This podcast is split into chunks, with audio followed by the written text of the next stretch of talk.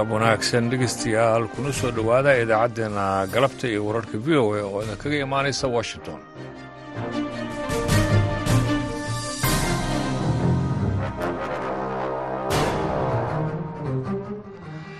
Dhegeystayaal waa galab axada bisha februari sannadka labada kun afar iyo labaatankana waa shan iyo labaatan. Waxaad naga dhegeysanaysaan mawjadaha gaagaaban ee lix iyo tobanka iyo sagaal iyo tobanka mitrband iyo boggeena v o a somali com saacaduna haatan afrikada bari waa afartii galabnimo? Idaacadda galabtii wararka v o a waxaa idiin soo jeedinaya anigu ah ibraahim xasan daandure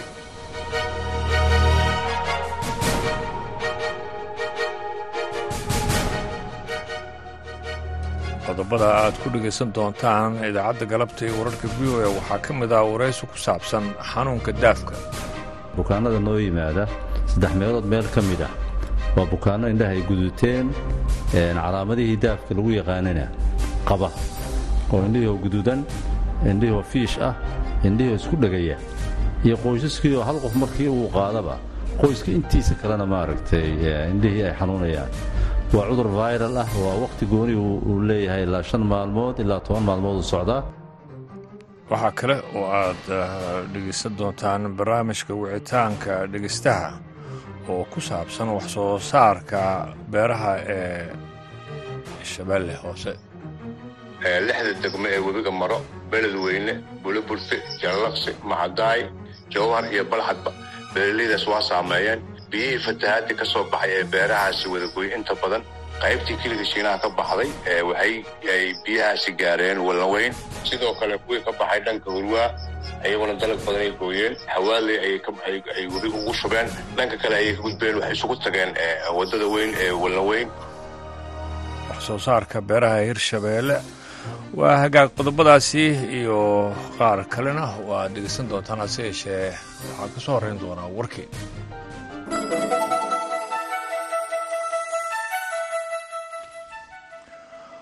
maraykanka iyo britain ayaa sabtidii waxa ay duqeeyeen in ka badan laba iyo toban bartilmaameed oo xuutiyiinta yemen ah iyagoo ka jawaabaya weeraro dhowaanahan ay kooxda maleeshiyada iiraan taageerto ay ku qaaday maraakiib maraysay badda cas iyo gacanka cadmeed oo ay ku jiraan gantaalo la soo riday toddobaadkii hore oo dab uu ku qabsaday markab kuwa xamuulka. ah sida laga soo xigtay saraakiil maraykana dowladaha dagaalka ee maraykanka iyo ingiriiska ayaa duqeeyey ilaa iyo siddeed iyo toban goobood oo meelo badan ah kuwaasi oo lala beegsaday gantaalo dowladaha aan duuliyaha lahayn iyo weliba kuwa dusha sare iyo kuwa biyaha hoostooda mara oo aan cidi wadin. Saraakiisha ayaa waxay ka gaabsadeen in magacooda la shaacayo si markaas ay u faahfaahiyaan howlgallada ciidamada ay wadaan.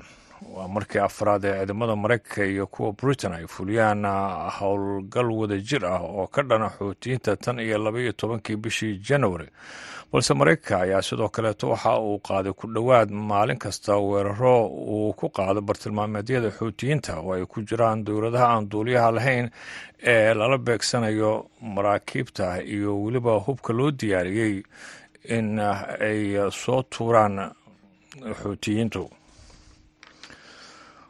golaha wasiirada ee dagaalka israa'iil ayaa waxaa sabtidii ay isku raaceen in ay waanwaan wadayaal ay u diraan qatar si markaasi ay u sii wadaan wadahadallada ku saabsan xabad joojinta iyo sii deynta ilaa iyo boqol iyo soddon la haystayaal oo lagu haysto khaza sida ay sheegeen mas'uuliyiin iyo warbaahinta gudaha ee dalkaasi wufuudda israa'iil ayaa sabtidii waxa ay ka soo laabteen wadahadalladii nabadeed ee ka dhacay magaalada baris halkaasi oo ay ku kulmeen dhexdhexaadayaal ka socday dalalka qatar masar iyo maraykanka kuwaasi oo gacan ka geystay xabajoojintii bishii nofembar xilligaasi oo tiro badan oo maxaabiis ay xamaas haysatay la sii daayey si markaasi loo sii daayo maxaabiis falastiiniyana golaha wasiirada dagaalka ayaa waxa ay kulmeen sabtidii si ay u dhegeystaan wararka ku saabsan wadaxaajoodyada sida uu sheegay la taliyaha amniga qaranka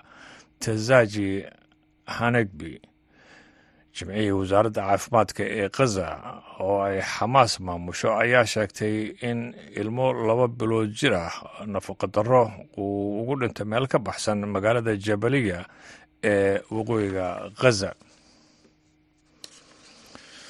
urur goboleedka galbeedka afrika ee ecowas ayaa waxa uu sheegay in cunaqabateyntii adkeyd uu ka qaaday dalkaasi niger si markaasi uu uga dhaadhiciyo saddex dowladood oo ay hogaamiyaan militarigu inay ka laabtaan go'aankooda ay kaga baxayaan ururka taasi oo khatar gelinaysa isdhexgalka bulshada ee gobolka hogaamiyaasha dalalka ecowas ayaa waxa ay yeesheen kulan ay uga hadlayeen qalalaasaha siyaasadeed ee gobolka uu afgembigu hareeyey ee sii qoto dheeraatay bishii janaayo. Kadib go'aankii dalalka militarigu maamulo ee niger burkina faso iyo mali ay kaga baxeen ururka dalalka urur goboleedka galbeedka afrika ayaa kadib kulan ay yeesheen go'aan ku gaaray in dalkaasi niger ay ka qaadaan cunaqabateynta dhinacyada xuduudaha joojinta ganacsiga iyo xanibaadda bangiyeed iyo hanti dowlad. Tallaabada dalalka ecowas ayaa loo arkaa mid ay markaasi ku doonayaan inay ku qanciyaan saddexdaa dal ee militarigu u haysto. Warkiina dhegeystayaal waa naga intaas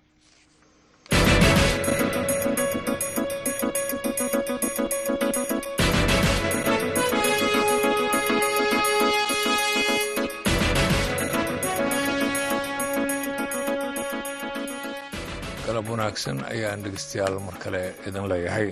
Dhakhaatiirta indhaha ee muqdisho ayaa sheegay in toddobaadyadii ugu dambeeyey caasimadda ay ku soo badanayeen bukaanada qaba cudurka daafka kaas oo ah xanuun ku dhaca indhaha si dhaqsi ahna ugu faafa meelaha bulshadu ay ku badan tahay. Haddaba saameynta cudurkaasi daafka oo uu ku yeesho qofka u asiibay iyo qaabka lagu daaweyn karayo ayaa waryaheena muqdisho xasan kaafi cabdiraxmaan. Waxa uu ka wareystay doctor cabdisamad xasan haye oo ah agaasimaha cusbitaalka indhaha mustaqbal ee magaalada muqdisho. Xasan kaafi aad u mahadsan tahay beryahan magaalada waxaa ku jira cudurka daafka ama bakoorada soomaalida ay u yaqaanaan. Waa cudur safmara oo epidemic ah. Xilligiisina waa la joogaa xilliyada kulaylaha oo dabeyshu inta badan ay jirto sababahan ku ogaanana waxaa ka mid ah bukaanada noo yimaada saddex meelood meel ka mid ah. Waa bukaano indhaha ay guduteen calaamadihii daafka lagu yaqaanana qaba oo indhihoo guduudan indhihoo fiish ah indhihoo isku dhegaya iyo qoysaskii oo hal qof markii uu qaadaba qoyska intiisa kalena maaragtay indhihii ay xanuunayaan. Waa cudur viral ah waa waqti gooni uu leeyahay ilaa shan maalmood ilaa toban maalmood u socdaa. Markaas marka inta badan waa waxa keena cudurkan viral oo adenoviral oo type seven iyo iyo iyo iyo iyo ilaa siddeed iyo toban. Marka wuxuu awoodaa inuu ku noolaado dhulka dushiisa muddo dheer ilaa usbuucyo fara badan waa cudur safmar ah. Inta badanna waxaa laga helaa meelaha dadka isugu yimaadaan sida iskuullada iyo meelaha zaxmada suuqyada waaweyn iyo iyo maaragtay hosbitaalska isbitaallada waa waqti yar buu jiraa laakiin haddaan degdeg loo daaweyn wuxuu noqonayaa cudurkan wuu ka sii darayaa qofka. Dhibaatooyin fara badan u keenayaa oo indhihii wuxuu gaarsiin karaa shaashadan aragga ay soomaalida u yaqaanaan shaashadda madow oo loo yaqaano koorniyaha ama luqa carabiya qaraniyada. Tii buu dhibaato gaarsiinayaa tii baa marka infection ku dhacaya. Doctor cabdisamed marka cudurka daafka muxuu uga duwan yahay cudurrada kale indhaha ku dhaca si ay bukaanada u kala gartaan? Waa ka duwan yahay. Soomaalidu wayba yaqaanaanba daafka iyo bakooradooda qofka markiiba indhihii baa guduudanaya indhaha waa bararayaan indhihii casaan bay noqonayaan. Fiish ma kala qaadi kara xataa waa isku dhegayaan. Waana labada indhood hal il keliya ma ah iftiinka ma arki karo ma kala qaadi karo. Marka markiiba wuxuu leeyahay daafaya haya. Laakiin daafku waa viral. Haddii laakiin markiiba aan la daaweyn oo guriga qofka aan lagu hakin wuxuu isku bedelayaa infection. Normalkii bakteriyadii indhaha ku jirtay oo ku noolayd oo caadiga ahayd oo aan jiro keenayn tiibaa marka waxay isku bedelaysaa jiro tiibaa infection uu ka qaadaya qofka ma kala qaadi karo waa cudur waqtigiisuna waa yar yahay five up to ten days. Dhibka uu keenayana waa badan yahay. Maxaa mujtamaci o dhan buu halmar ku faafaya epidemic. Nowadays baryahan waad maqlaysaa caalamka iyo markaad fiiriso. Xataa africa ku faaf east africa central africa ilaa jad iyo waddamadan afrikada dhex xataa waa laga soo qaylinayaa. Marka annaga waxyaabaha ugu muhiimsan oo hadda aan kaga faa'iidaysanaya iclaanka waxaa ka mid a wacyigelin in la wacyigeliyo dadka. Haddaad aragtaan sida ugu dhaqsaha badan dhakhtarka kuu dhowa indhaha la xidhiidha dawo kasta ha qaadanina. Dawooyinka qaar haddaad qaadataan indhabeel bay noqonaysa waa dawada mar walba aan ku celiyo oo loo yaqaano bredinsolonka in laiska ilaaliyo. Waa la siin karaa laakiin haddii koorniyaha ama shaashada madowga ee bannaanka madowga ay u yaqaanaan soomaalida haddii dhibaata ay ku dhacdo ay caddaato bredinsolonka lama siin karo. Waa dilaa indhaha ah oo mararka qaar infectionka zaa'idinaya haddaan si proper loo daaweyn. Waa tahay. Cudurkan sidaad sheegtay waa cudur safmar ah. Marka maxaa keenay sidiisaba? Cudurkan waa nooc ka mida jeermiyada loo yaqaano viral adonoviral waa hawadaasuu ku imanayaa muugta waa safmar. Waa viral viralka inta badan treatmentka gooni ma laha. Qofka waa la nasiyaa waa la sugaa laakiin waa viral. Awooda inuu meelaha kulaylka ku noolaado dabayshana way qaadaysaa marka. Markiiba qofka markay indhaha ka gasho waxaa laga yaaba qofka inuu gacantiisa ku marmaro waxay isku bedelaysaa marka jermy infection ah. Waa tahay. Qaab noocee ah ayay bulshadu isugu gudbiyaan cudurka marka? Waxay isugu gudbin karaan taabashada qofka inuu salaamo asoo qofkii qaba ama mare uu ku tirtirtay maaragtay inuu qofkii kale isticmaalo ama qofka markuu u soo dhawaado xataa hawadii hawadii baa batinaysa. Ma fahamtee? Marka jermiga hawadigaa qaadaysa marka hal mar baa waxaa laga yaabaa iskuulaadka ardadii. Intuu la fadhiyay ama suuqi intuu maray oo dhanba inuu qaado marka. Hawadan waa lagu kala qaadaa gacanta la istaabsiiyena waa lagu kala qaadaa qofkii oo uu qabo weel uu isticmaalay ama mar uu isaga tirtirayna waa lagu kala qaada waa intaas shay. Waa tahay. Marka dhammaan cudurka daafka dadka qaba ma isku qaabaa loo daaweeyaa mise iyaga laftirkoodaa kala duwan cudurka qofba daawo gooniyaa la siiyaa marka ugu horayso bilowga uu yahay intuu ku eg yahay conjontayba wareegan caadiga aan madowga ahayn isku dawaa loo qaataa. Laakiin hadduu ka gudbo oo shaashada u gudbo ay soomaalida u yaqaanaan madowga oo koorniya wuu ka duwanaanaya markaas. Treatmentigii dawadii la siin lahaa wuu ka duwanaanaya hadduu shaashadii sii dilaaciyo ama caddaan ku beerana dawo tii hore ka duwan uu qaadanaya marka antibiotic. Marka waa kala system waa kala heerheer markuu caadiga yahay oo guduudku ku eg yahay waa la siin karaa weak steroid khafiif prednisolone aad u yar oo khafiif ah iyo antibiotic t t c. Laakiin hadduu shaashada u gudbo wuu ka duwanaanaya waxay noqonaysaa waa in la siiyaa ointmentiga viralka ee cyclovir i ointment iyo wax xanuunka ka baabiiya oo cycloplegic ah iyo antibiotic. Haddii laakiin shaashadii uu sii dilaaciyo caddaan uu noqdo wuxuu noqonayaa fortified antibiotic culus oo halkii saaca mar la siinayo in la siiyo. Doctor cabdisamed ugu dambayntii carruurta iyo dadka waaweyn saameyn noocee ah ayuu ku yeelan karaa cudurkan daafka carruurta iyo ragga waaweyn dadka waaweyn waa isku mid laakiin carruurta maadaama difaaca jirkooda uu aada hooseeyo way ka nugul yihiin inuu markiiba faafo way ka nugul yihiin inuu markiiba faafo. Marka ayagana inta badan dee waa hayjinkoodana wuu yaryahay umana adkaysan karaan mar walbana gacanta lagama celcelin karo. Marka gacanta ay ku ruxruxayaan ay ku riixayaan waxay keenaysaa jermi inuu ku faafo shaashadii kore. Marka wuu ka halis badan yahay haddii loo fiiriyo dadka waaweyn carruurta. Iyo carruurta halis badan. iyo dadka waaweyn da'da ah labadaba maaragta difaaca jirkooda wuu hooseeyaa. Haddaan markiiba laga gaarin waxay noqonaysaa in koor annaga waxa noogu daran waa shaashadda markuu gaaro oo drobiskii dhibcihii infectionkii malaxdii ay ku dhacdo meesha shaashada kore way isbedelaysaa. Marka waxay noqonaysaa infection ku dhaca shaashada kore. Waa midda ugu daran daawadeedana ugu dhib badan tahay haddaan laga taxadirin kaasi wuxuu ahaa doctor cabdisamad xasan haye agaasimaha cusbitaalka indhaha mustaqbal ee muqdisho oo u warramayay xasan kaafi cabdiraxmaan qoyste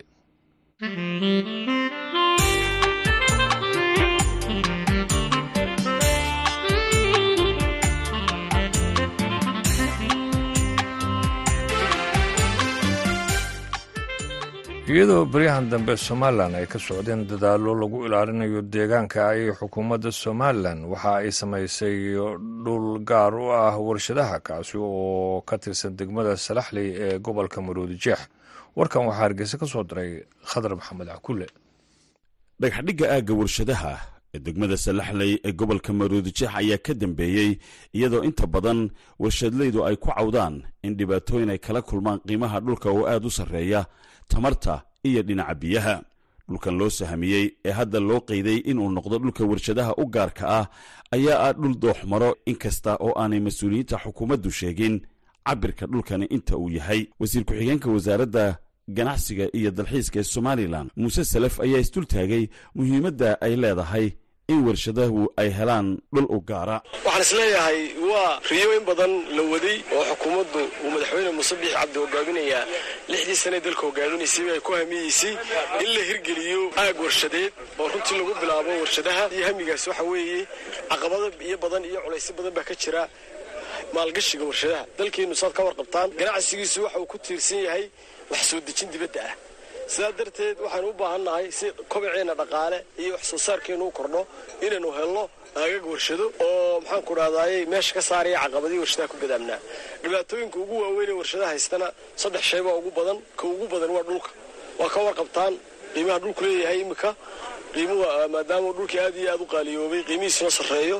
Qodobka labaad waxa weeyaan biyaha iyo enerjiga haddii warshadu saddexdaa hesho ka u dambeeya waxa weeyaan shaqaale xirfad leh afartaa shay haddii laysla helo waxaan aaminsanahay warshadaheenna iyo wax soo saarkeenna iyo karuqaadkeennu runtii waa imanaya. Ka hor dhagaxdhigga waxaa jiray guddi wasiiraa oo loo saaray xulista aagga warshadaha. Guddidaasi waxaa ka mid ahaa wasiirka howlaha guud iyo guriyeynta ee somalilan mustafe cabdi godane waxaana uu sheegay inay muhiim tahay in dadka deegaanku ay soo dhoweeyaan horumarka maadaama warshaduhu ay istaanu yihiin. Maanta waxaynu dhagax dhigaynaa aaggii warshadaha ee caasimadda somalilan ee hargeysa arrintaa aagga warshadaha horey wasiiradii iga horreeyey iyo barasaabka gobolkuba uga hadleen. Horta marka hore waxaan idiin sheegayaa reer sallaxley iyo reer hunduli waa laydinku soo hiiliyey in warshadaha halka la keeno. Waayo waa horumar waxay sidaan horumar shaqo waxay sidaan mid dhaqaale waxay sidaan mid qiimaha dhulka oo kor u kaca ah.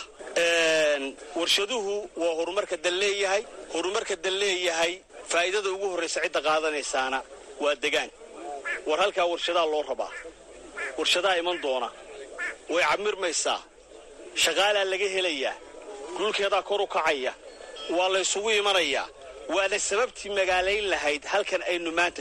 Xubno ka mida dhaqanka iyo odayaasha deegaanka ayaa soo dhoweeyey mashruucan. Waxaan ka mid ahay deegaanka hundulli ilmo qaybdiid qolada beerta u weyn bixisay ee laamida xigta wajahadda laamida xigta qolada bixisay ayaan ka mid ahay. Waan soo dhowaynayaa mashruucan. Boqolkiiba boqol baan soo dhowaynaya boqolkiiba boqol baan soo dhowaynayaa saasaa noo faa'iidaa. Deegaanka u faa'iidaa dadka u faa'iidaa. Haddaan ahay axmed cabdi xasan kuna hadlaya afka haydh tuulaaba oo hundulliya mashruuca warshadaha. Horta waanu soo dhowaynaynaa intaa beerahana laga gooye nalaga gooye dadka halkaa ku jahaysanay laamida garabkeedaanu ka mid nahay. Waxaanu leenahay warshadaha iyo wixii khayraad la hala dhigo laakiin si kale ayaan loo isticmaalin. Waananu soo dhowaynaynaa waxaan hadalkii ku soo dhammaynaya ilaa wax khayr laha ka dhige dowladdan waxaan ka codsanaynaa in wixii khayraadle la keeno uun. Khadar maxamed cakulle v o e hargeysa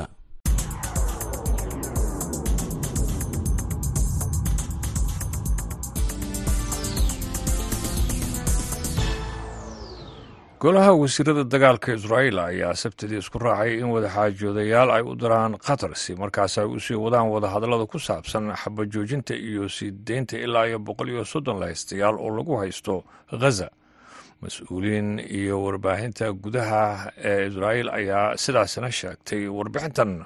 Waxaa qortay v o a waxaa noo soo koobaya jamaal axmed cusmaan. Wafuudda israa'iil ayaa sabtidii ka soo laabtay wadahadaladii nabdeed ee ka dhacay magaalada baris halkaas oo jimcihii ay kula kulmeen dhexdhexaadiyaal ka socda qatar masar iyo maraykanka. Kuwaasoo horey u guulaystay xabadjoojintii bishii nofembar xilligaas oo tiro badan oo maxaabiis ay xamaas haysatay la sii daayey kuwaasoo lagu badashay maxaabiis falastiiniyiin oo israel u xirnaa. Golaha dagaalka israel ayaa sabtidii kulan yeeshay si ay warbixin uga dhageystaan kooxda wadaxaajoodyada sida uu sheegay tazaji hanagabi oo ah la taliyaha amniga qaranka.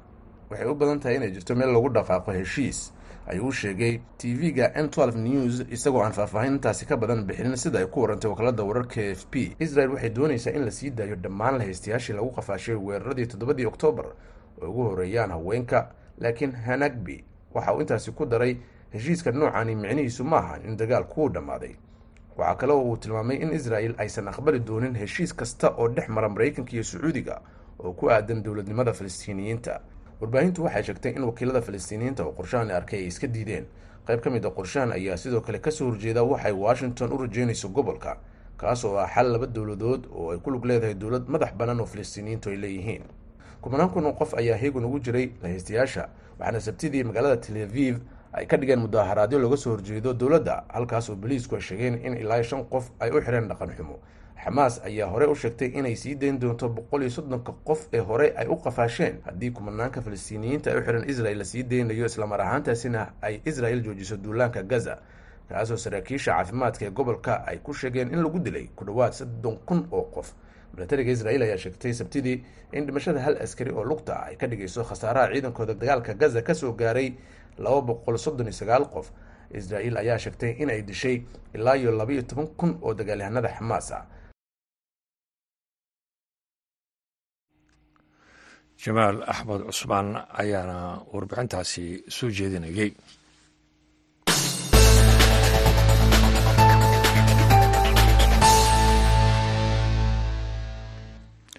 Dalalka ku bohoobay urur goboleedka ecos ayaa sabtidii sheegay in xayiraadihii adka ay ka qaadayaan dalkaasi niger xilli ay raadinayaan hanaan cusub oo ay ku wajahaan saddex waddan oo milatariga gacanta ay ku hayaan in ay iyagu ka baxaan ururkaasi dhaqaalaha iyo siyaasadda tallaabadaasi oo halis gelinaysa isdhexgalka bulshada gobolka. Warbixin arrintaasi wakaaladda wararka ee reuters ay ka qortay waxaa soo jeedinaya cabdixakiim shirwac hogaamiyaasha bulshada dhaqaalaha ee dalalka galbeedka afrika ayaa yeeshay kulan ay kaga wada xaajoonayaan. Xiisadda siyaasadeed ee gobolkaasi ay afgembiyadu saameeyeen iyadoo dalalka ay militarigu gacanta ku hayaan ee niger burkina faso iyo weliba maali ay go'aankoodu noqday in ay ka baxaan ururkan oo ay ku midoobeen shan iyo toban waddan. Kadib wadahadal ay albaabadu u xidhan yihiin oo ururkan ikowas ay yeesheen ayay ku sheegeen inay go'aan ku gaadheen in ay deg deg u qaadaan cunqabataynaha oo ay ku jiraan xuduuddii la xidhay xayiraaddii bangiga dhexe hantidii dowladda iyo weliba sidoo kale joojintii lagu sameeyey waxiswadaarsigii dhinaca ganacsiga. War ay soo saareen ayay sidoo kale ku xuseen in tallaabadan loo qaaday sababa dhinaca bini'aadamnimada balse waxaa loo arkaa astaan islaam xaadhashaa xilli ururka ikawaasu isku dayayo inuu waajaho saddexda dale ay militarigu gacanta ku hayaan inay ku sii jiraan xulafadan oo soo jirtay ku dhowaada konton sannadood. Qorshahan ay jaraha ku beddelayaan ayaa keeni doona inuu dhibaato ka badbaadiyo. Habsami socodkii ganacsiyo weliba adeega ee ururkan oo qiimo ahaan dhan ku dhowaada boqol iyo konton bilyan oo dollar sannadkii. Sidoo kale waxay sheegeen inay cunuqabateyno doora ka qaadeen dalka gini oo isagu aan hore uba sheeginba inuu rabo inuu ka baxo xubinnimada ururkan ikawas hase yeeshee dalalka kale militarigu ay gacanta ku hayaan ama aanay dhinacooga xaqiijinin wakhti ay rabaan inay dib ugu soo celiyaan xukunkii dimuqraadiga ah ee dalalkaasi. Madaxweynaha golaha ururkan ikawas cumar tori ayaa sheegay in qaar ka mida cunaqabataynaha lala beegsaday iyo weliba xayiraadaha siyaasadeed ay saarnaanayaan dalka niger isagoo aan wax faahfaahin oo intaasi dheerna ka bixinin. Hore ayaa guddoomiyaha guddida ikawas islamarkaana ah madaxweynaha dalka nigeria bola tinibu uu sheegay in ururku ay tahay inuu dib uga fekero istaraatiijiyadooda ah inay dalalkaasi dib ugu soo celiyaan hannaankii dastuuriga ahaa isagoo ku booriyey dalalka niger burkina faso maali iyo weliba gini inaanay ururkaasi u arag mid cadow ah. Ururkani kawaas ayaa ka xidhay xuduudaha islamarkaana ku soo rogay xayiraado adag. Dalka niger sannadkii hore kadib markii ay askartu xidheen madaxweynihii dalkaasi maxamed baasuum bishii januari lix iyo labaatankeedii islamarkaana ay sameeyeen xukuumad kumeel gaadh ah taasoo ahayd mid ka mid a tallaabooyin xidhiidh ah oo ay militarigu kula wareegeen xukunka taasoo sidoo kale bannaanka soo dhigtay awooddarrada ururku ay ku joojin karaan dimuqraadiyadda sallaanka ka sii siibanaysa cunaqabataynahaasi ayaa dalka niger oo markiisi horeba ahaa mid ka mida waddamada ugu saboolsan dunida ku qasbay inuu yareeyo kharashaadkii dowladda islamarkaana uu ka baaqsaday inuu bixiyo. In ka badan shan boqol oo milyan oo dollar oo dayna warkan ay soo saareen ururka ayay sidoo kale ku celiyeen baaqoodii ahaa in la soo daayo madaxweyne baasuum islamarkaana waxay ku celiyeen codsigoodii ahaa in militarigu ay keenaan jadwal la aqbali karo oo ay xukunka ku wareejinayaan. Afgembiga dalka niger ayaa daba socday laba afgembi oo ka dhacay labada dale ay jaarka yihiin ee maali iyo burkina faso saddexdii sannadoode la soo dhaafay taasoo ka dhigtay aaga ku jira gacanta xukuumadda militariya taasoo sidoo kale ka fogaysay dalkii hore u gumaysan jiray ee faransiiska iyo weliba xulafo kale oo reer galbeed ah. Militariga ayaa sidoo kale qabsaday awoodda dalka gini sannadkii laba kun iyo koob iyo labaatankii. Ururkani kawaas ayaa sidoo kale cunaqabatayn ku soo rogay dalka maali taasoo ahayd tallaabo ay ku riixayeen in la soo celiyo xukunkii dastuuriga ahaa. Inkastoo haddana ay ka qaadeen sannadkii laba kun iyo labaiyo labaatankii saddexdan waddan ayaa cunaqabataynahan ururka ku tilmaamay hannaan sharci darra ah islamarkaana kubaba saleeyey go'aankooda ay kaga baxeen ururkan islamarkiiba xataa iyagoo aan dabiqin hannaankii u yaalay marka laga baxayo ururka. Mahadsanida warbixintaasina waxaa soo jeedinayey cabdixakiim maxamuud shirwac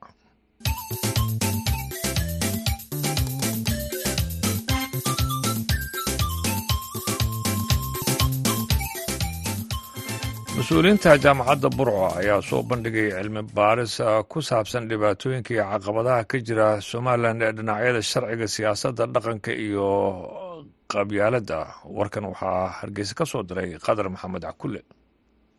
Sida ka muuqata bandhigga jaamacadda burco lagu soo bandhigay caqabadaha iyo dhibaatooyinka dhinacyada shuruucda dhaqanka iyo arrimaha bulshada ee ka jira somalilan waxaa jaamacaddu ay muddooyinkii ugu dambeeyey ku howlanayd baadhitaano ay brofeser cumar cusmaan uu hormuud u ahaa waxaana bandhigoodan mas'uuliyiinta jaamacadda burco ay diiradda ku saareen dhowr arrimood iyo xalalka u muuqan kara iyagoo ugu horraysiiyey ismaandhaafka siyaasadeed iyo waxyaabaha aasaaska wa iyagoo gebagabadana tilmaamay siyaabaha looga gudbi karo caqabadahaasi. Waa kan brofeser cumar cusmaan xershi. Waxaynu arkaynay muranka doorashooyinka ee dhammaan waayay waxaynu arkaynay khilaafaadka sharci ee laysku wada hayo. Marka sharcigii oo isaguna fadhiisanba waayey. Marka kolomka koowaad waxaan u bixiyey mudarooyinka ka dhexena waa tusaalayaal baan ka bixiyey.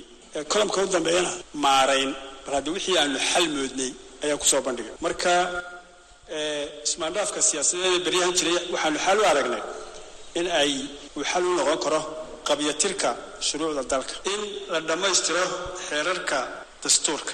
Qodobka labaad ee aanu isno isaguna mudarooyinka maanta aanu aragnay buu ka mid yahay. Waxaa ka mid ah xadla-aanta saxaafadda. Saxaafadda somalilan ka jirtaa dee caalamka meelay ka jirtaa ma jirto. Waa niman dhalinyaro ah way fiican yihiin shaqo wacan bay qabteen way dadaaleen.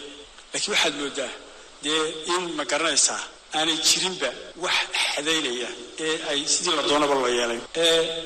Waxaa taa markhaati ka ah yacani milgihii ama ethicskii saxaafadeed oo aad moodo inuu lumay. Waxaanu xal u aragnay arrinkaas saxaafadda dhammaystirka xeerarka saxaafadda. Regulationskii waa maqan. Haddii aan saxaafaddii aan xeerarba jirin maxaa lagu canaananayaa brofeserka ayaa geesta kale iftiimiyey isna dul taagay. Qodobka saddexaad aanu argin waxaa weeye xadidhaafka madax dhaqameedka madax dhaqameedku imika way kaba badan yihiin bar reerkii ay sheeganayiin iyagaa ka badan. Qabiilkii ay lahaayeen madax baanu u nahay iyagaa ka fara badan. Arrintaa madax dhaqameedka waxaanu aragnaa in lagu soo noqdo dhaqankii xurmada lahaa ee aynu naqiinay arrintaa waxaanu aragnaa in kale xadayn lagu sameeyo dhaqanka iyo siyaasadda oo wasaaradda arrimaha gudaha ay hoos tagaane inay siyaasaddii iyo dhaqankii ay kala xadayso qodobka afraad waxa weeye maamuus xumida madaxda oo dhaqan baynu lahayn lays ixtiraamo. Madaxda siyaasadda madaxda dhaqanka madaxda culimada yani meel kastaaba madax bay leedahay. In lays ixtiraamo ayaynu dhaqan caynkaasa baynu lahayn. Laakiin aflagaada iyo cay meel walba lala taagan yahay oo cid walba lagu leeyahay waa wax inagu cusub. Gabagabadiina brofeser cumar cusmaan xirsi waxa uu u soo jeediyey uguna baaqay jaamacadaha somalilan. Qodobo muhiim u ah. Waxa weeye kow jaamacaduhu inay noqdaan mambaca macluumaadka saxaa loogu yimaada. War dadka cid walba inay u sheekaysa maaha dadka weyna dadka aqoonta le u sheekeeyaan haddaad adigu dadka waxba u sheegi weydo dee cid kale wax u sheegaysa. Markaa mambacii loogu imanayay macluumaadka saxa ah inay jaamacaduhu noqdaan. Qodobka labaad inay jaamacaduhu noqdaan.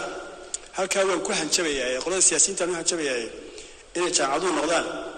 Halka lagu soo bisleeyo ama laga jiheeyo siyaasadda. Ururka ama xisbiga aan jaamacadaha ku soo qancin siyaasadiisa dee waxba heli maayo. Annaga halkan u fadhino dee dadka annaga hayna annagu cidna uma ololayno laakiin dadku baanu waxu sheegaynaa marka in aqoontu iyo jaamacaduhu ay noqdaan halka siyaasadda laga soo bisleeyo. Qodobka saddexaad waxa weeye inay jaamacaduhu fadhiistaan isgoyska kala hora xumaha iyo samaanta siyaasadda. Isgoys isgoyskaasay jaamacaduhu fadhiisanayaan.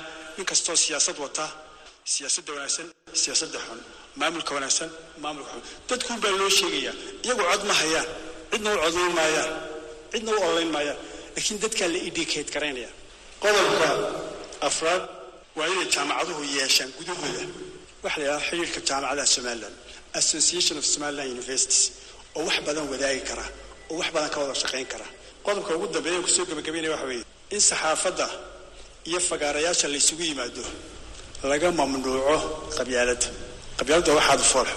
Khadar maxamed cakulle v o a hargeysa dadka baahiyaha gaarka qaba ayaa duruufo adaga waxa ay kala kulmaan inay helaan goobo waxbarasho oo iyaga u gaar ah. Hase ahaatee waxaa jira dugsiyo ay door ka ciyaareen dad samafalayaal ah oo loo sameeyey inay si gaara waxbarasho ay ugu fidiyaan. Dadka baahiyaha gaarka qaba sida dugsiga karaamo oo ku yaalla magaalada boorama.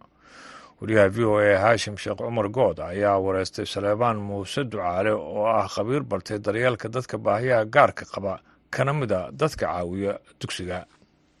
Ujeedooyinka dugsigan loo aasaasay waxay ahayd kadib markay arkeen ururka xaqudood ee hooyooyinka ee ka dhisan ee gobolka awdal ee ciyaalka dayacan ee baahiyaha gaarkaa qaba ee dugsi maaragtay guryaha dhexdooda jeefa waalidkooguna awoodi waayeen inay goob waxbarasho ay keenaan. Ayaa waxay isku dayeen inay u sameeyaan maaragtay hab tabaruca oo maaragtay ugu aasaasaan inay helaan adeegii waxbarasho ay u baahnaayeen iyagoo maaragtay bulshadana baraarujiyey waalidiintana baraarujiyey markaa isku dubariday in maaragtay ay u sameeyaan goob waxbarasho oo lagu daboolo baahiyahooga gaarka ah.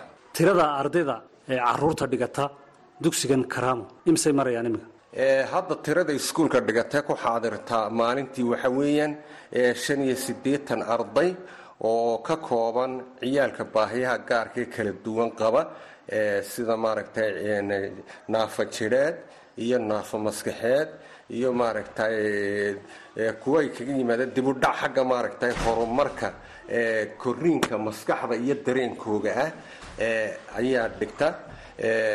Waxaa kaloo jira kuwo kale oo badan oo weli guryaha jooga oo weli aan fursad waxbarasho aan u helin iyaguna duruufta awgeed sababta oo ah sbaceka iskuulka oo yar iyo maaragtay adeegii la siin lahaa oo isaguna kooban. Awgeed baa iminka ururku awooday in shan iyo siddeetankan waxbarasho maaragtay tabaruca ay u fidiyaan. Tirada macalimiinta dugsigan wax ka dhigta tiradooda waa imisa? Iyo waxyaabaha aad carruurta u dhigtaan baahiyaha gaarkaa qaba ee iskugu jira noocyada badan ee baahiyaha gaarkaa iyo sida aad wax u bartaanna say tahay saleebano waxa weeyaan waad mahadsan tahay horta tirada macalimiinta dugsigan wax ka baraa waxa weeyaan ilaa toban macalin ayay gaadhayaan oo isugu jira macalimiinta beydhka iyo macalimiinta ambeydhka waxayna u badan yihiin macalimiinta ambeydhka weli aan mushaar loo samayn. Waxaana ku caawiya wasaaradda waxbarashada oo markaa boqolkiiba soddon ka kafargaraysa baahida maaragtay ciyaalkani ay u baahan yihiin ee ka kafargaraysa ayaa macalimiintana si tabaruca ugu soo qortay iskuulka. Marka macalimiintaasi waxay ka kooban yihiin kuwo maaragtay wasaaradda waxbarashada ay mushaarka siiso iyo kuwo weli aan mushaar loo bilaabin oo wasaaradda waxbarashadu aanay develop garaynin inay mushaar u sameeyaan. Kuwa weli aan mushaarka wasaaradda ka qaadanna tabaraca ku shaqeeya ayayna u badan yihiin. Waxyaabaha maaragtay ama manhajka ama muqararka ardayda wax lagu baraa wuxuu qaabilsan yahay ama waafaqsan yahay muqararka wasaaradda waxbarashada ee dowladda jamhuuriyadda somalilan ayuu waafaqsan yahay manhaj gaaroo iyaga la baraa. Ma jirto keliya xanaanaynta iyo tababarka uunbay dheer yihiin. Ilmaha naafada la barayo habka wax loo barayo iyo habka loo xanaanaynayo iyo sida loo daryeelayo. Uunbay kaga duwan yihiin oo ardada kale kaga duwan yihiin laakiin muqararka ama manhajku waa kan wasaaradda waxbarashada jamhuuriyadda somalilan. Ubadka halkan ku jira ilaa shan iyo siddeetanka mahooy bay u tahay mise guryahoogaa laga keenaa dugsigaa la keenaa? Waxa weeyaan shan iyo carruurta ma ku horreeya carruurta halkan la keeno waxa weeyaan boarding maaha laakiin systemka boardingka u dhigmoo kale ayaa loogu adeegaa. Systemkaasina waxa weeyaan halkan bas baa u jooga. Baskaasi waxa weyn aroortii guryahoogu ka soo guraa. Ilmo walba gurigooga ayuu ka soo qaadaa goobtan waxbarashada ayuu keenaa. Goobtan waxbarashada waxaa loogu diyaariyaa maaragtay qureecibaa loogu diyaariyaa oo maaragtay boorash iyo buskud iyo waxaaliya loogu diyaariyaa. Haashim sheekh cumar good v o a boorama. Haatana dhegeystayaal waxaad ku soo dhowaataan xubinta wicitaanka dhegeystaha waxaa soo jeedinaya nuur xasan nuur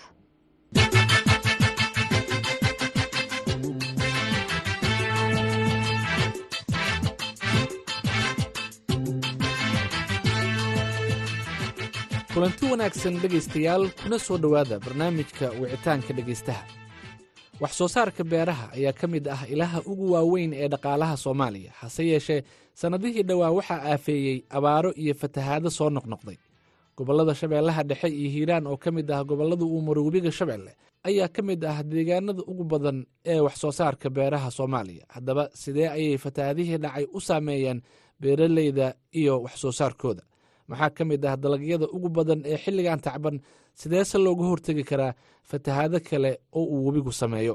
Su'aalahaasi iyo kuwo kale ayaa waxaa nooga jawaabi doona wasiir ku-xigeenka wasaaradda beeraha ee dowlad goboleedka hirshabeelle maxamed bashiir qaasim oo ku magac dheer daqare wasiir waa mahadsan tahay? Kusoo dhowow barnaamijka wicitaanka dhegeystaha ee v o a.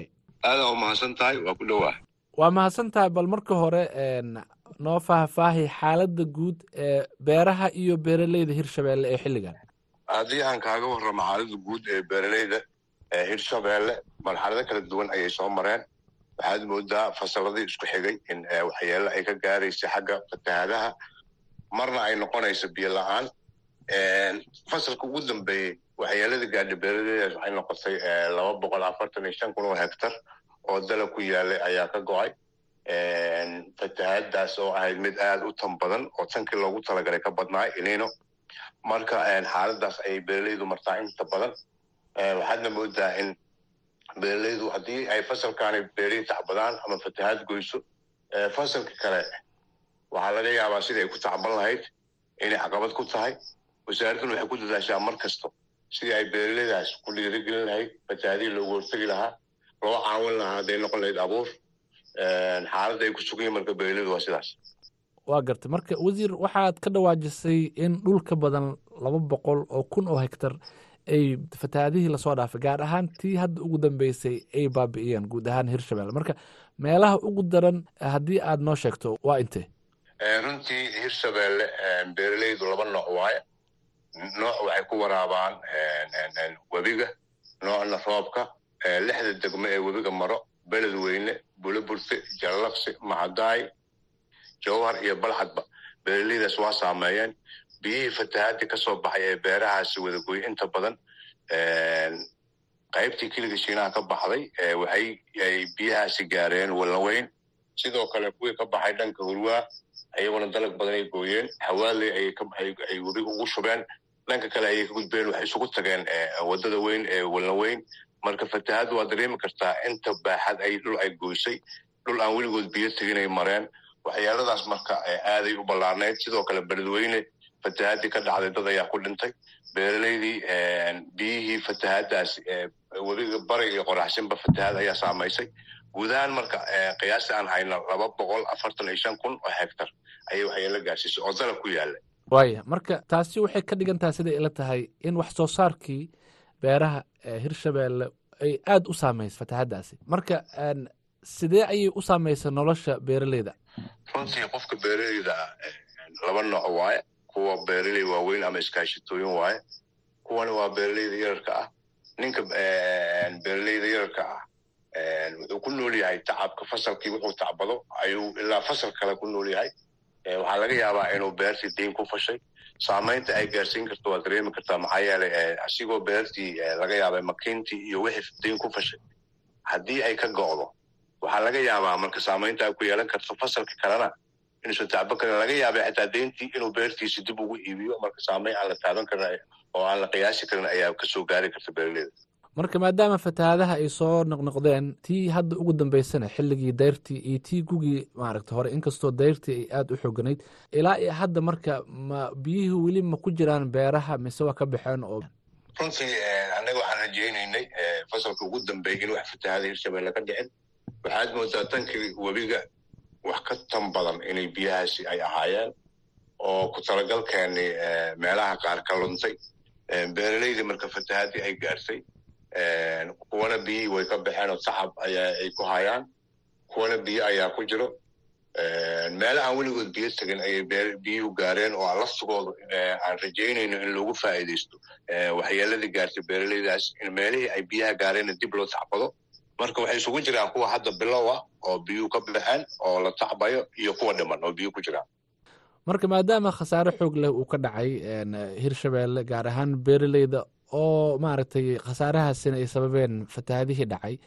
Wasaaraddaada beeraha maxay ka qabatay ama maxay u tartay dadka beeraleyda? Ah runtii annagu qorsheenu wuxuu ahaa in fatahaadi aysan dhicin. Waxaan samaynay carabuur fara badan.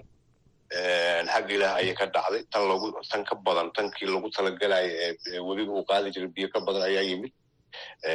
Waxyaabihii aan qabanay waxaa ka mid ah carabuur aan samaynay waxaan rajaynaynaa hadda marka in kanaalkii sabuun oo aan hadda u helnay qorshe iyo mashruuc iyo xawaaley si marka biyaha webigaasi loogu neefiyo oo loo helo meel kayda oo biyaha lagu kaydiyo haddii webiga gurana dib biyaha loogu soo celiyo. Waxaa kaloon ka shaqaynaa kanaalo inaan dayactirno. Bacdamaa kanaaladii ay waxyeelo gaarsiiyeen fatahaadii la dayactiro si loogu neefiyo fatahaadii waxaa kaloo samaynaa beeraleyda. Waxaan hadda saynaa abuur oo lixda degmo beeraleyda yararka ah. Waxaan siinaa abuurkaas. Dhowaan cagafyaan u qaybinay lix cagaf oo degmada jowhar afar cagaf ah iyo laba cagaf oon beledweyne gaarsiinay. Waxaan dhisnay iskaashitooyin si ay isku kaashadaan. Tababaraan siinaa abuuraan siinaa waxaan isku daynaa beeraleyda yararka ah in laga caawiyo saddexda bilood ee dalaga uu soo go'aayo in lacag la siiyo oo bilo ah. Marka dadaal ayaan samaynaa sidaan ugu dhiirigelinayn beeraleydaas inay tacabka ku dhiiradaan marka isbarbardhig ma samaysaan oo labada gobol ee maaragtay uu ku midoobay maamul goboleedka hirshabeelle dhanka beeraha meelaha ama saameyn ha noqoto ama wax soo saarka ha noqoto hiiraan iyo shabeellaha dhexe annagu degmooyinkayna siduu dastuurkeenna qababa waa isku xaquuq meelihii ugu daran ayaa xoogga la saaraa xoogga ugu badan beledweyne ayaan saarnay in fatahaadii aan ka cirib tarno nasiib darro waa ogeyd fatahaadii ka dhacday degmooyinka hadda ugu darnaa fatahaadii dhacay macadaa iyo jallaqsi ay ahaayeen qorshooyinkeenna wuxuu yaha marka in beeraleydii awalan aan ka hor tagno fatahaadii meelihii jilicsan carabuur ku samayno sabuun iyo wax laga qabto kanaaladu aan badano beeraleydii loo dayactiro si fatahaaduu loogu yareeyo abuur la siiyo qiimayntaasi barbardhig waa noo samaysiin hadba meeshii ugu dhibaato badan ayaa la xoojiyaa. Dhowaan waxaa ka dhawaajisay in biyo xireenada qaarkood sida kansabuun iyo biyo xireenka kale ee maaragtay xawaadley in aad qorsheynaysaan in aad dayactir ku samaysaan marka waana dabcan war wanaagsan oo marka goorma ayaa arrintaasi bilaab aad bilaabi doontaan maxayse ka tiri kartaa fatahaadaha soo laalaabta waxaan rajaynaynaa mashruucaasi dhowaan muddo hadda bil ka yar laga joogo daafur ayaan samaynay wasiirka wasaaradda federaalk ayaa ka soo qayb galay. Waxaan rajaynaynaa marka mashruucaas dhowaan inuu hirgelo la bilaabo. Waxaan rajaynaynaa in mashruucaas hadduu fulo ahmiyadda uu leeyahay iyo kanaalka jiina kanaal oo biyaha lagu neefi jiray. Ahmiyadda uu leeyahay fatahaadii ayuu yaraynayaa.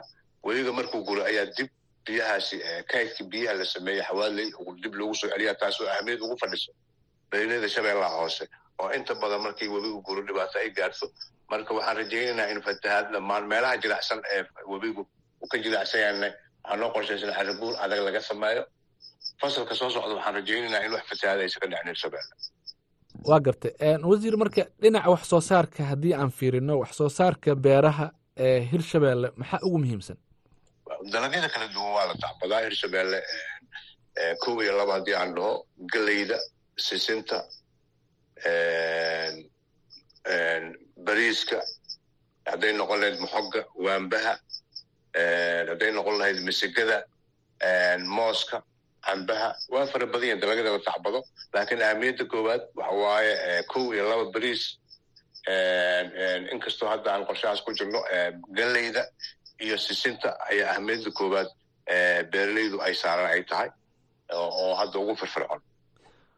Waa gartay rajo ma laga qabaa in fatahaadahani la yareeyo sida aad sheegtay oo haddii kanaaladaas la dayactiro rajo ma laga qabaa in beeraha shabeellaha dhexe iyo hiiraan wax soo saarka ka soo baxa in ay dadka ku filnaadaan kadibna ay dadka noloshooda wax ka bedesho rajo weyn dalagii hadda naga go'ay haddii uu badbaadi lahaa waxaan rajaynaynaa in guud ahaan hirshabeelle ku filnaa iska dhaaf soomaali ay ay ka faa'iidaysan lahayd dalagaasi ganacsataduna ay ay meelo kala duwan geyn lahaayeen rajo weyn ayaan ka qabnay haddana ka qabnaa haddii tacabkii xoogga la saaro in sugnaanta cuntada hirshabeelle dhammaan ay ku filan tahay waa mahadsantaha khadka igu jir dowrka dhegeystayaasha ayaan geli doonaa dhegeystaha ugu horreeya ayaan jeclahay in aan fursaddiisa siiyo magacaygu waa axmed mataan oo jooga jallaqsi waxaan jeclahay inaan wasiirka ku-xigeenka aan weydiiyo laba su'aalood anigoo ka faa'iideysanaya fursaddan mudane wasiir su'aasheeda koowaad waxa waaye beeraha deegaankeenna qaarkood biyo ayaa ku baxay oo tacab ayaanu bilaabnay xilliga waxaan ka baqaynaa fatahada kale. Su'aasheedu waxay tahay marka maxaan ka qaban kartaa ka ahaan ka wasaarad ahaan fatahadan nagu soo laalaabatay. Dhanka kale su'aasha kale aan ku weydiinayo mudan wasiir waxa weeyaan dad badan ayaa jira oo beeraley ah oo aan iibsan karin abuurka iyo lacagaha cagafta marka ma jira qorshayaal aad ku taageereysaan beeraleyda hirshabelle aada mahadsantahay mudan wasiir. Axmed aad u mahadsan yahay siduu asiba kaga warqabo gu iyo dayr kastaba beeraleyda waxaan siinaa abuur waxaa la siiyaa lacag saddex biloodla ah gacan naga siisa hayda meelaha oo jilicsan ee fatahaaddu ay ka timaadana carabuur ayaan ku samaynaa waxaan rajaynaa hadda lafteedu in qorshahaasi uu socdo oo beeraley dadkii beeraleyda ahaa la qoraayo in sidii abuur lagu siin lahaa loo diyaariyo abuurka la siinaayo lacagtii saddex biloodna u bilaabanayso meelaha jilicsan ee fatahaaddu ka timidna qorshaheenu wuxuu yahay laga qabanayo marka ugu horeysaba bisha maarso in carabuur lagu sameeyo adag. Degmada jallaqsi meelo kooban ayay biyahaas ka baxaan meelihii ay biyihii ka baxeenna in carabuur adag aan ku samayno ayaa qorsheenu yahay waxaana leenahay tacabkii inta tabarteena aan iska kaashano meelihii ay biyaha ka soo baxeenna biyihii ay carabuur ayaa lagu samaynayaa si beeraleydu aysan fatahaad u gaarin. Arrintaas marka qorshaheeda waa ku jirnaa waana la fulinayaa. Dhanka fatahaadaha haddii aan dib ugu laabanno beledweyne waxay ka mid tahay meelaha ugu daran ama magaalooyinka ugu daran ee sanad walba ay fatahaadaha ku soo noqnoqdeen. Maxay tahay sababta? Sababtu waxay tahay fatahaaduhu inta badan howlaha fatahaad lagu hortagaayo meelaha ugu badan een xoogga saarna beledweyne ay ahayd shaqo badan ayaan ka qabanay kanaalkii khatarta ahaa ee magaalada dhex maraayo waxbaan ka qabanay carabuur ayaa laga sameeyey. Nidaam cusub oo carabuurkii shub lagu samayna ayaan ka qabanay marka cilada ugu badan waxay tahay meel magaalada ka fog oo dhanka waqooyi ah ayaa biyo guurta la leeyahay oo isla socdo ayaa magaalada dhankan ka soo gala qoraxsan iyadana qorshaa noogu degsan. Sidii arrintaasi xal loogu heli lahaana qorsheheeda waa wadnaa. Waaya marka beeraleyda beledweyne iyagoo ka warna xaalkooda xilligan beledweyne nidaam iskaashtooyin aanu dhisnay xagafyaan gaarsiinay tababaraa la siiyaa kuwa yarka waa la caawiyaa abuuraa la siiyaa. Waxaan rajaynaynaa marka ugu horeeyo ee ka faa'iidaysto fatahaadihii dhacay meelihii biyaha galeen inay noqdaanaan rajaynaynaa annagana ayagana waa ogyihiin gacantii ugu ballaaran meelaha aan siinay ka mid taha beledweyne hirshabelle waxyaabaha dhanka beeraha ay caanka ku tahay waxaa ka mid ahaa mooska balcad iyo qudaartii liinta iyo cambaha iyo wixii la mid ka ahaa. Sanadihii la soo dhaafay maxaa horumare ah oo dhankaasi aad dhegeystayaasha kala wadaagi kartaa? Fatahaaduhu inta badan waxyeelay gaarsiiyaan meelaha webiga jiinkiisa ah waxyeeladaas ay ayagana qayb ka yihiin beeraleyda kala gaartay runtii meelaha hadda ugu firfircoon degmada balcad ayaa ka mid ah. Iskaystooyin ayaa ka mid ah ka dhisan. Tababaro xitaa ilaa talyaanigaan u dirnaa.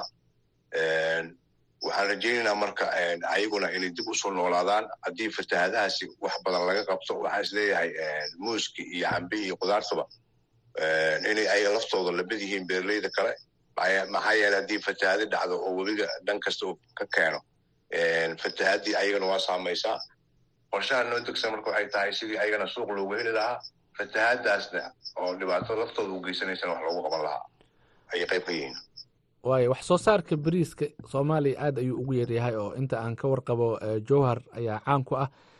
Isna sidee ayay fatahaadahani iyo abaarihii dhacay sanadihii la soo dhaafay ay u saameeyeen bariiska bariisku ahamiyad gaar uu noo leeyahay sida caanku ay ku ahay degmadan jowhar mashruucii baaro weyne xooga ayaan isugu geynay combany danwadaag la yidhaahdo iyo wasaaraddu iska kaashanayo toddoba nooc oo abuura ayaan keennay la tijaabiyey kan ugu fiican sida loo helo si ay beeraleydu u iibsadaan nidaam iskaashata inuu u samayno beeraleyda la soo oo lagu dhiirigeliyo in tacabkii bariiska la soo nooleeyo ayaan qorsheeda ku jirnaa. Maxaa yeelay jowhar waxaan u leeyahay waxaa ku yaalla biyo xereen biyaha jowhar afar iyo labaatan saac gu-iyo deyr ma go'aan oo waraab joogta ayaa laga helaa.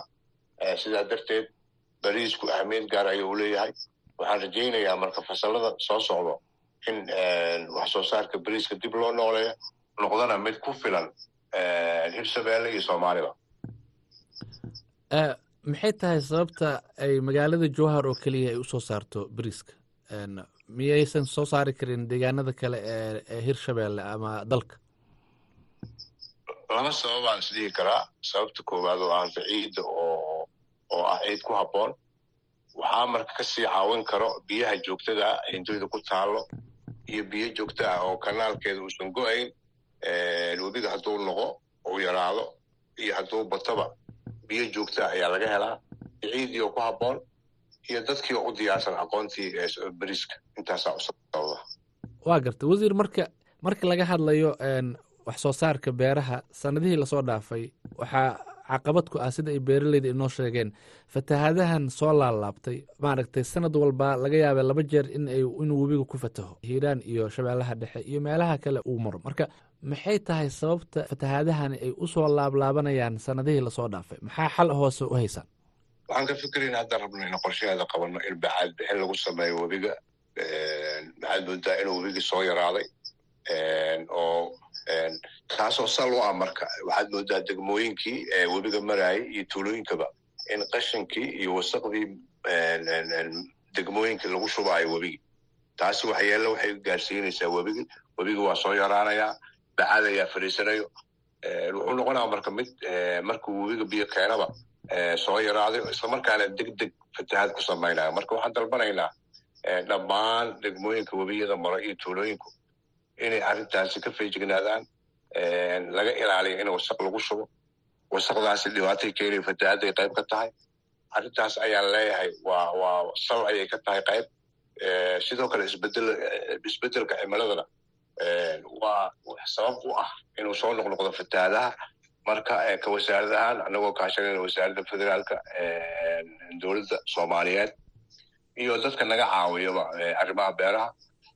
Mar kasta waxaan ku dadaalaynaa in fatahaadaas aan xilibtarno insha allah hadduu ilah yidhaahdo kaalinta idinka aadan ah in wasaqda lagu shubaayo webiga laga ilaaliyo oo arrintaasi laga feejignaadana waa ku baaqaynaa waa tahay. Marka wasiir ugu dambeyntii waxyaabaha wasaaraddiina ay soo kordhisay dhanka horumarinta beeraha ha noqoto tacabka ama dalagyada iyo halka aad tiigsanaysaan. Runtii waxaan rajaynaynaa in looski ganacsigu beeralaydu si u hormaro looskii inaan aan wax badan ka qabanayno maxoga waambaha dalagyadaas kala duwan sidii loo horumarin lahaa bariiska ahmiyadda koowaad ayaan saarnay. Waxaan rajaynaynaa beeralayda qaar ka mida iskaashatooyinka dalaga u soo go'o in laga iibsado oo raashinkii dibadda laga keenaya laga kaaftoomana w f b ayaan heshiis kala galnay si aan u dhiirigelno dalabkii soo go'o in laga iibiyo haddaan tusaale ka soo qaato looska iyo iyo waambaha iyo maxogu iyo mooska waxay ka. Mid yihiin dalagyada in la dhoofiyo sisinta ugu muhiimsan marka arrimaha aan soo kordhina waxaa ka mid ah dalagyadaas muhiimka ah ee ganacsiga geli kara la dhoofin karo inaan horumarino aad ayuu u mahadsan yahay. Kaasi wuxuu ahaa wasiir ku-xigeenka wasaaradda beeraha ee dowlad goboleedka hirshabeelle maxamed bashiir qaasim oo ku magac dheer daqare oo marti ku ahaa barnaamijka wicitaanka dhegaystaha ee toddobaadkan waxaan jeclahay inaan u mahad celiyo dhegaystayaashii barnaamijka nagala qayb galay tan iyo toddobaadka dambena waxaan idinku dhaafayaa sidaa iyo nabadgelyo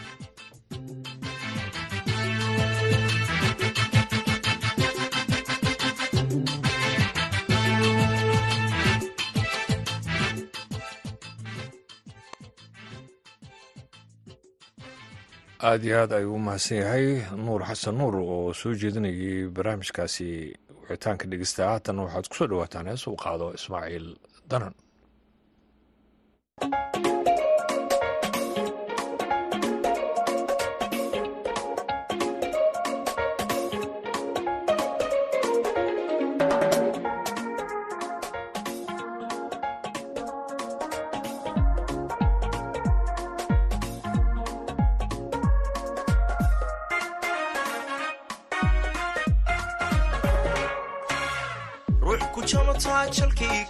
ka sonto jiifka guurtoo joogsan weyde jannoy bilcanida bilcanida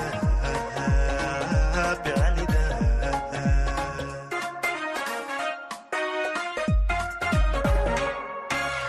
ruux ku jamataa jalkii ka sonto jiifka guurtoo joogsan weyde jannoy bilcanida bilcanida bilcanida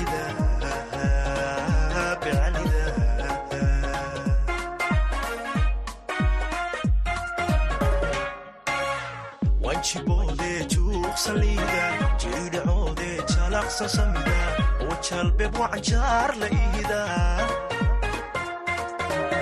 wanjiboode juuqsaliida jiridhacoode jalaqsan samida oo jalbeeb wacanjaar la ihida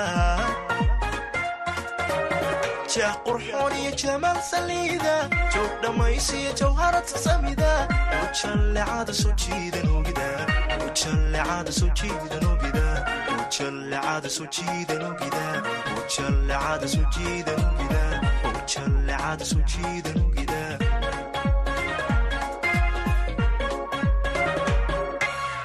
jeex qurxoon iyo jamaal saliida joog dhammaysiyo jawharad sasamida ujallecada soo jiidan ogida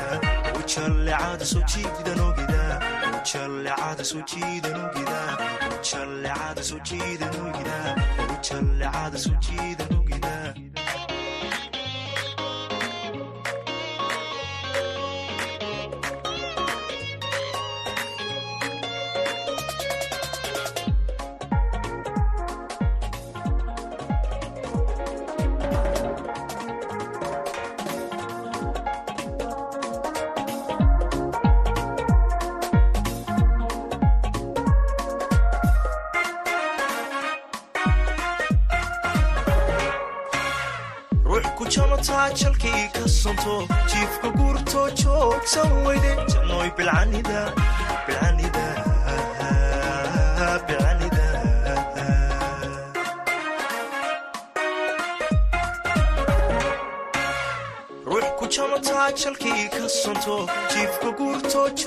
joogsan weyde jannoy bilcanida bilcanida bilcanida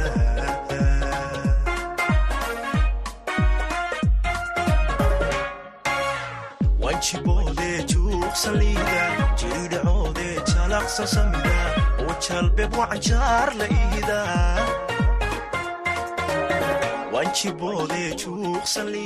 heestaasi uu qaaday ismaaciil danan waxay ugu dambeysay idaacaddeenni galabta iyo wararka v o a. Waxaa idiin soo jeedinaya anigoo ibraahim xasan garabey daanduraya sidaa iyo nabadgelyo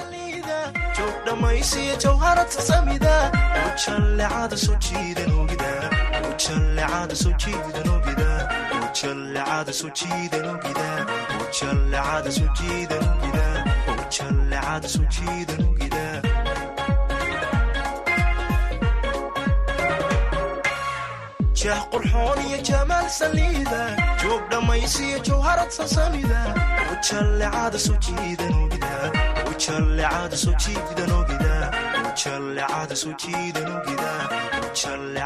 jiidan ogida ujallecada soo jiidan ogida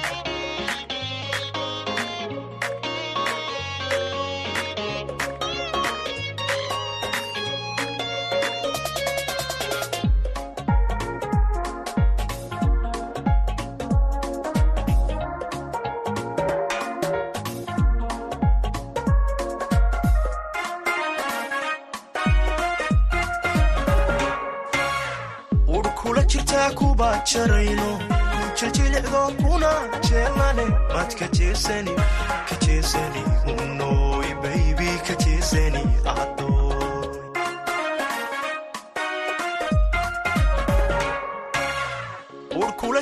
kuba janayno kuja jilicdo kuna jeelane mad ka jeesani ka jeesani unoy